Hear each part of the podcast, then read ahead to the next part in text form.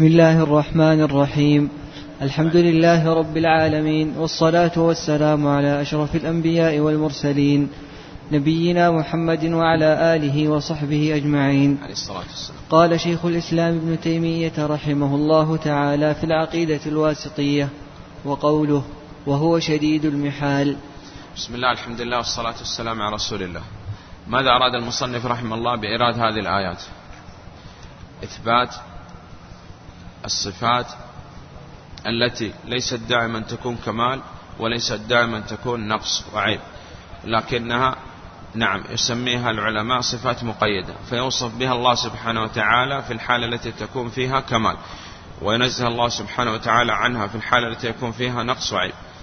وطريقتهم في التع... يعني الكلام عن هذه الصفة قال إما أنهم يذكروها مقيدة وقال أحسن من هذا أن تتلو الآية. صح؟ نعم. فإما أن تقول أن الله سبحانه وتعالى ماكر بالماكرين أو تقول ويمكرون ويمكر الله والله خير الماكرين. نعم. طيب. درس جديد.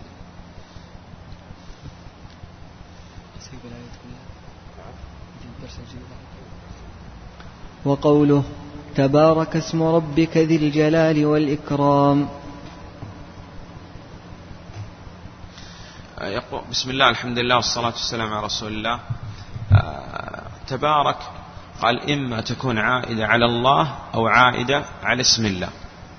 إذا عائدة على الله سبحانه وتعالى يعني تعالى وتعاظم تقدم معنا أن العلو يثبت أهل السنة والجماعة لله سبحانه وتعالى كما أثبته هو سبحانه وتعالى نفسه في كتابه وعلى لسان رسوله صلى الله عليه وسلم. علو في الذات وعلو في في الصفات. وإذا كان عائدة على اسم الله يعني كل شيء يذكر عليه اسم الله سبحانه وتعالى تحل فيه البركة. ولذلك الشيخ عندما يسمي الآن على الذبيحة تكون حلال وبركة. وإذا لم يسمي كانت ميتة. يسمي على الطعام تحل في هذا الطعام البركة ولا يأكل معه الشيطان بخلاف لو ترك التسمية. يسمي عند دخول المنزل يسمي عند الجماع فلا يضر الولد شيء. صحيح؟ بإذن الله سبحانه وتعالى. إذا تبارك قلنا إذا كانت في الآية عائدة على الله سبحانه وتعالى تعالى وتعالى وإذا عائدة على اسم الله يعني تحل البركة على كل شيء يذكر عليه اسم الله. تقدم معنا أن البركة لا تطلب إلا من الله سبحانه وتعالى. والتبرك ينقسم إلى قسمين تبرك مشروع وتبرك ممنوع. التبرك المشروع يكون بأمر شرعي وبأمر حسي لأن الله سبحانه وتعالى قدر أن بعض الأشخاص يعلم الناس العلم ويضع الله سبحانه وتعالى في علمهم البركة وهذه بركة حسية. صح؟ مثل ما وضع الله سبحانه وتعالى في علم السلف ومنهم الصحابة رضي الله عنهم ومنهم الأئمة الأربعة ومنهم شيخ الإسلام محمد عبد الوهاب وغيرهم. صحيح؟ نعم لأن قال يعني كان هذا أمر محسوس. طيب وعندنا تبرك شرعي. الصلاة في المسجد النبوي في المسجد الحرام. سكن المدينة لأنه ثبت فيه دليل من الكتاب أو السنة. سبحان الذي أسرى بعبده ليلا من المسجد الحرام إلى المسجد الأقصى الذي باركنا حوله. قال وباركنا عليه وعلى إسحاق. وذرية إبراهيم عليه الصلاة والسلام ذرية مباركة. ومنهم نبينا عليه الصلاة والسلام. إذا لم يثبت فيه أمر حسي ولا شرعي كان تبرك ممنوع. ولذلك عندما تبركوا بالأصنام أنكر الله سبحانه وتعالى عليهم قال أفرأيتم اللات والعزى ومناة الثالثة الأخرى؟ صحيح؟ نعم. طيب. آه نعم. قال تعيد. وقوله تبارك اسم ربك ذي الجلال والإكرام. تبارك اسم ربك ذي الجلال والإكرام. آه وذي الجلال قلنا العظمة. والإكرام أن الله مكرم ومكرم. نعم. وقوله فاعبده واصطبر لعبادته هل تعلم له سميا. العلماء يقولون أن هذه الآية ذكر فيها أنواع التوحيد الثلاثة. رب السماوات والأرض وما بينهما. هذا توحيد الربوبية. فاعبده وقلنا كل عبادة في القرآن معناها التوحيد. وهذا توحيد الألوهية والعبادة. وهذا الذي حصل بينه وبين النبي صلى الله عليه وسلم الخصومة فيه. واصطبر وما قال اصبر. وتقدم معنا أن الزيادة في المبنى تؤدي إلى زيادة في المعنى. وما يلقاها إلا الذين صبروا. وما يلقاها إلا ذو حظ عظيم. يا أيها الذين آمنوا اصبروا. فقط قال لا وصابروا. أمر أعلى من الصبر. واتقوا الله.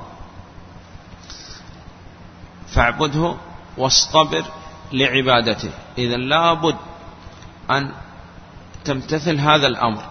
أنك تصنع شيء أعلى من من الصبر واصطبر لعبادته. هل تعلم له سمية؟ يقول هل تعلم له سمية هذا النوع الثالث من أنواع التوحيد؟ توحيد الأسماء والصفات. وقال هذه هذا هل تعلم له سمية؟ مشرب معنى التحدي. يعني إذا كنت تعلم له مسامي وكفر وند وشبيه ومثيل ائت به. وهل يمكن أحد أن يكون مساوي لله سبحانه وتعالى؟ لا. ليس كمثله شيء والسمع البصير ولم يكن له كفوا أحد. نعم. هل تعلم له سميا؟ نعم. وقوله ولم يكن له كفوا أحد. تقدم معنا في شرح سورة الإخلاص أن الله سبحانه وتعالى نفى عن نفسه الكفر والند الشبيه والنظير والمثيل لكمال أحديته وصمديته. وقلنا هذه طريقة أهل السنة والجماعة. نفي ما نفى عن نفسه وما نفى عنه رسوله صلى الله عليه وسلم مع إثبات كمال الضد. المصنف رحمه الله ساق هذه الآيات ل آه نفي الكفر والند والشبيه والنظير والمثيل لكمال أحديته وصمديته وكمال غناه سبحانه وتعالى وعزته. نعم. وقوله فلا تجعلوا لله أندادا وأنتم تعلمون. هذه الآية في سورة البقرة أن الله سبحانه وتعالى في أول سورة البقرة قسم الناس إلى ثلاثة أقسام مؤمن وكافر ومنافق. وذكر أوصاف هؤلاء الثلاثة. ثم جمع الجميع بأول نداء في القرآن وقال الله سبحانه وتعالى يا أيها الناس يعني من مؤمن وكافر ومنافق. ثم جاء بأول أمر في القرآن وهو أمر بالتوحيد. اعبدوا يعني وحدوا. وهذا دليل على أهمية التوحيد. أول نداء في القرآن نداء للتوحيد وأول أمر في القرآن أمر بالتوحيد. يا أيها الناس اعبدوا أي وحدوا ربكم. لماذا؟ قال خلقكم فإذا كان هو الخالق سبحانه وتعالى فهو المستحق للعباد. والذين من قبلكم يعني وخلق الذين من قبلكم لا يوجد خالق إلا الله لا خالق إلا الله. ثم ساق الله سبحانه وتعالى الأدلة على انفراده بالربوبية واحتج به على توحيد الألوهية. ثم ختم الله سبحانه وتعالى الآية بقوله سبحانه وتعالى فلا تجعلوا أول نهي في القرآن هذا نهي عن الشرك. فلا تجعلوا لله أندادا. إذا في هذه الآية نفي الند عن الله لكمال أحديته وصمديته وكمال غناه سبحانه وتعالى وكمال عزته سبحانه وتعالى.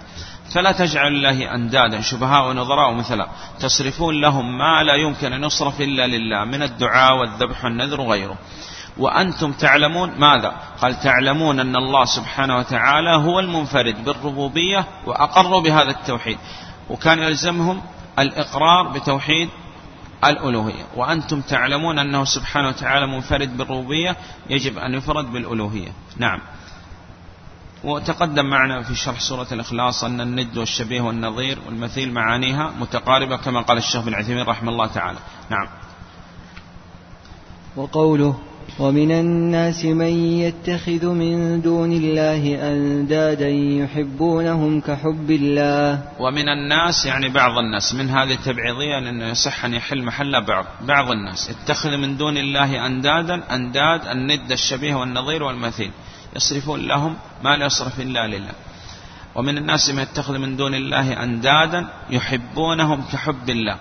هذه الآية فيها قولان. في معنى يحبونهم كحب الله. القول الأول أنهم يحب الأنداد محبة مساوية لمحبة الله. وابن القيم رحمه الله يقول هؤلاء لم يجعلوا هذه الأنداد والأصنام مساوية لله في الخلق والرزق وإنما ساووا هذه الأنداد مع الله في في المحبة. وكانت هذه سبب للخصومة يوم القيامة. تالله إن كنا لفي ضلال مبين. قال إذ نسويكم برب العالمين. في ماذا؟ في المحبة. وأخذنا أن المحبة تنقسم إلى ثلاثة أقسام. محبة مع الله. وهذه هي الشرك الأكبر والدليل هذه الآية. والأصل أن يحب الله ولا يحب أحد معه. طب أين محبة الأنبياء والصالحين والملائكة والموحدين؟ قال محبتهم تحت محبة الله ولا يمكن أن تكون محبة النبي صلى الله عليه وسلم مساوية لمحبة الله وإلا وقعنا في المحبة الشركية. القسم الثاني من المحبة محبة في الله أو لله وهذه واجبة من أوثق عرى الإيمان الحب في الله البغض في الله. ومحبة طبيعية جائزة بشرط أن لا يقدم على محبة الله إنما أموالكم وأولادكم فتنة. ومن الناس من يتخذ من دون الله أندادا يحبونهم كحب الله. قلنا القول الصحيح في الآية أن يحب الأنداد محبة مساوية لمحبة الله. القول الثاني في الآية أنهم أحبوا الأنداد كمحبة المؤمنين لله. وقال هذا لا يصح في تفسير الآية لأن بعد هذا قال الله سبحانه وتعالى والذين آمنوا أشد حبا لله. نعم.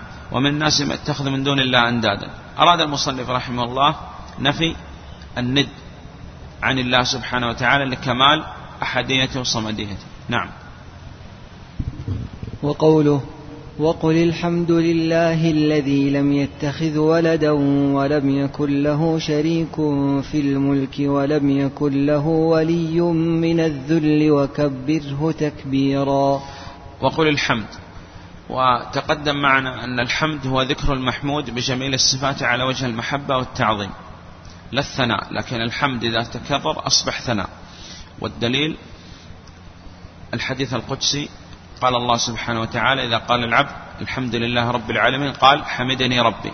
وإذا قال الرحمن الرحيم قال أثنى علي عبدي. هذا دليل الحمد غير الثناء لكن الحمد إذا تكرر أصبح ثناء. فلا يصح أن نعرف الحمد هو الثناء بالجميل نقول الاختياري وكذا. طيب آه، قال الحمد هو ذكر المحمود بجميل الصفات على وجه المحبة والتعظيم للثناء إلا إذا تكرر الحمد أصبح ثناء. وقل الحمد. وتقدم معنا أن يحمد الله سبحانه وتعالى على كل شيء. يحمد الله سبحانه وتعالى على ما سمى وصف به نفسه سبحانه وتعالى. يحمد الله سبحانه وتعالى إرسال الأنبياء والرسل. يحمد الله سبحانه وتعالى أن اختارنا أن نكون ها عبيد له سبحانه وتعالى. يحمد على كل شيء. وقل الحمد لله الذي لم يتخذ ولدا. المصنف رحمه الله قال أراد بها ولم يكن نفي الشريك عن الله. وسوف يأتي معنا. وقل الحمد لله الذي لم يتخذ ولدا لكمال أحديته وصمديته وكمال غناه سبحانه وتعالى لأن الأب يحتاج إلى الولد إذا كبر ويكون هذا الولد في الغالب يشبه الأب. والله سبحانه وتعالى ليس كمثله شيء. طيب آه، وقل الحمد لله الذي لم يتخذ ولدا لكمال غناه وكمال أحديته وصمديته سبحانه وتعالى. ولم يتخذ ولدا ولم يكن له شريك في الملك. أيضا نفي الشريك عن الله سبحانه وتعالى. قال آه، ولم يكن له شريك في الملك ولم يكن له ولي من الذل. إذا الولي المنفي عن الله اللي يكون سببه الذل. لكن الولي بمعنى الولاية والنصرة هذا ثابت لله سبحانه وتعالى. هناك ولاية من الله للعبد وولاية من العبد لله سبحانه وتعالى. الله ولي الذين آمنوا يخرجهم من الظلمات إلى النور. وتقدم معنا أن الولاية تنقسم إلى قسمين. ولاية عامة تشمل كل مخلوق ثم ردوا إلى الله مولاهم الحق. ولاية هذا تشمل كل مخلوق. وولاية خاصة بالمؤمنين الله ولي الذين آمنوا. نعم. ألا إن أولياء الله لا خوف عليهم ولا هم يحزنون. نعم. ولم يكن له شريك في الملك ولم يكن له ولي من الذل. قال وكبره أي عظمه تعظيما وتعظيم الله سبحانه وتعالى يكون بالتوحيد وتنزيه الله سبحانه وتعالى عن عن النقائص التي قال يأتي بها الكفار. وقال الله سبحانه وتعالى قل هذه سبيلي أدعو إلى الله على بصيرة أنا ومن اتبعني. وسبحان الله. وما أنا من المشركين لأن من أعظم المسبة لله سبحانه وتعالى الشرك لأنهم يصف الله سبحانه وتعالى بالنقائص. وهذا ينطبق تماما على قال الباطنية ومذهب ابن سينا وغيرهم قال أنهم وصفوا الله سبحانه وتعالى إما يصفوه بالنقائص أو يصف الله سبحانه وتعالى بالمستحيلات والممتنعات. وهذا سوف يأتي معنا إن شاء الله في الحموية التدمرية. نعم. وقوله يسبح لله ما في السماوات وما في الأرض له الملك وله الحمد وهو على كل شيء قدير. تسبيح الله تسبيح الكائنات لله سبحانه وتعالى تكون بلسان الحال وبلسان المقال. كل المخلوقات تسبح الله سبحانه وتعالى بلسان الحال و وتسبح الله سبحانه وتعالى بلسان المقال إلا الكافر.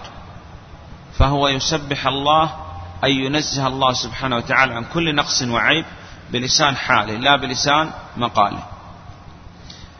قال وجود الخلق وإمدادهم بالنعم. هذا دليل على تنزيه الله سبحانه وتعالى عن كل نقص وعيب. قلنا عظم المخلوق يدل على عظم الخالق سبحانه وتعالى. والكافر وجوده في هذه الدنيا وإمداده بالنعم. وخلق الكافر في أحسن تقويم يدل على تنزيه الله سبحانه وتعالى عن كل نقص وعيب. صح؟ نعم. ولكن الكافر لا يسبح بلسان المقال. وهذا من نعمة الله سبحانه وتعالى. علينا أن أننا نسبح الله سبحانه وتعالى. ومن نعيم أهل الجنة أنهم يلهمون التسبيح.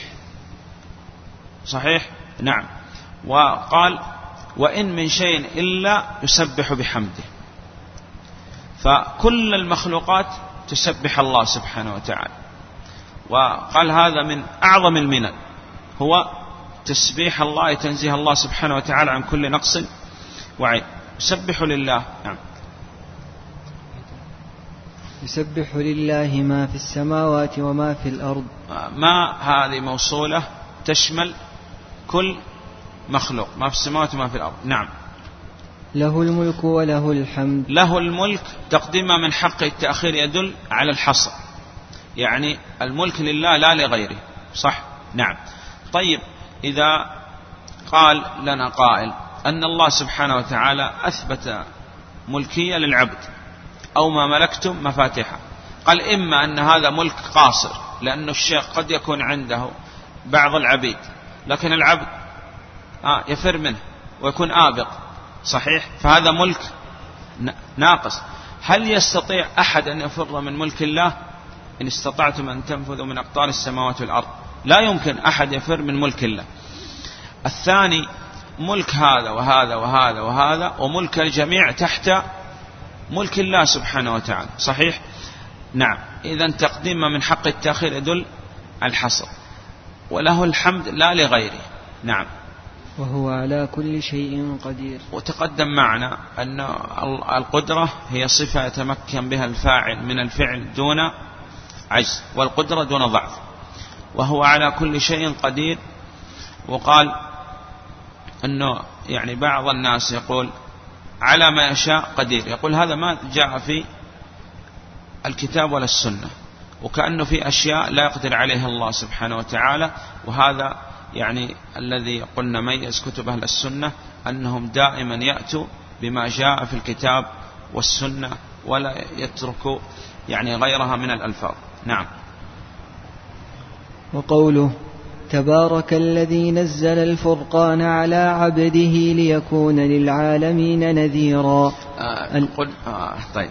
قلنا آه أن تبارك في الأول عائدة على اسم الله سبحانه وتعالى فكل شيء يذكر عليه اسم الله تحل في البركة كالذبيحة. وهنا عائدة على الله سبحانه وتعالى يعني تعالى وتعاظم. وأخذنا إثبات العلو لله سبحانه وتعالى علوم في الذات وعلوم في الصفات. تبارك الذي نزل قلنا هذا في إثبات صفة العلو لله سبحانه وتعالى وفي إثبات أن القرآن منزل لا مخلوق وأنه كلام الله. الذي نزل الفرقان وهذا من أسماء القرآن أنه يفرق بين الحق والباطل. بل جاء في أسماء النبي صلى الله عليه وسلم أنه مفرق يفرق بين الحق والباطل. وهذا لابد أن يكون حال كل موحد أن يفرق بين الحق والباطل. يأمر بالمعروف وينهى عن المنكر. نعم. ونجتمع على الحق وعلى ما كان عليه الكتاب والسنة والسلف الصالح. طيب. نزل الفرقان على عبده وتقدم معنا. العبودية تنقسم إلى ثلاثة أقسام. عبودية عامة تشمل كل مخلوق. إن كل من في السماوات والأرض إلا الرحمن عبدا. وعبودية خاصة بالمؤمنين. إن عبادي ليس, لكم ليس لك عليهم سلطان. هل كل المخلوقات؟ لا. الذين استجابوا لله والرسول. الثالثة عبودية خاصة الخاصة وهذه هي تسمى عبودية خاصة الخاصة للأنبياء والرسل عليهم الصلاة والسلام لأن أكمل عبودية عبودية الأنبياء والرسل. لا يمكن أحد أن يأتي بعبادة مثلهم. فضلا يأتي بعبادة أكثر مما جاء عن الأنبياء والرسل وصفوا بالعبودية في أعلى مقامات الرسالة ومنها هذه الآية. في مقام إنزال القرآن على النبي صلى الله عليه وسلم وصف بالعبودية. في مقام الإسراء سبحان الذي أسرى بعبده. في مقام التحدي وإن كنتم في ريب ما نزلنا على عبدنا. فأوحى إلى عبده ما أوحى. قال في الأنبياء والرسل واذكر عبادنا عليهم الصلاة والسلام. تبارك الذي نزل الفرقان على عبده ليكون للعالمين نذيرا. وهذا فيه أن رسالة النبي صلى الله عليه وسلم كانت لجميع الخلق للجن والإنس.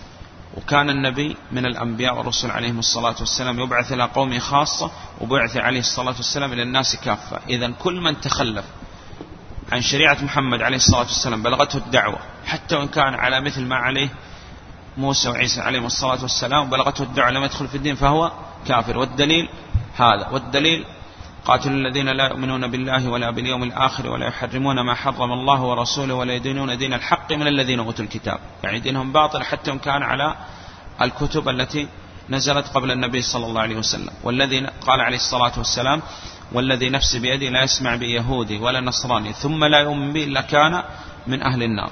نعم. الذي له ملك السماوات والأرض ولم يتخذ ولدا ولم يكن له شريك في الملك. الذي له ملك السماوات والأرض تقديما من حق التأخير يدل على الحصر. ولم يتخذ ولدا لكمال غناء وكمال أحديته وصمديته. ولم يكن له شريك في الملك أيضا. صفة منفية عن الله لكمال غناء سبحانه وتعالى. نعم. وخلق كل شيء فقدره تقديرا. يعني الله سبحانه وتعالى خلق كل شيء وكل ما سوى الله مخلوق والله سبحانه وتعالى هو الخالق. نعم. فقدره تقديرا. نعم.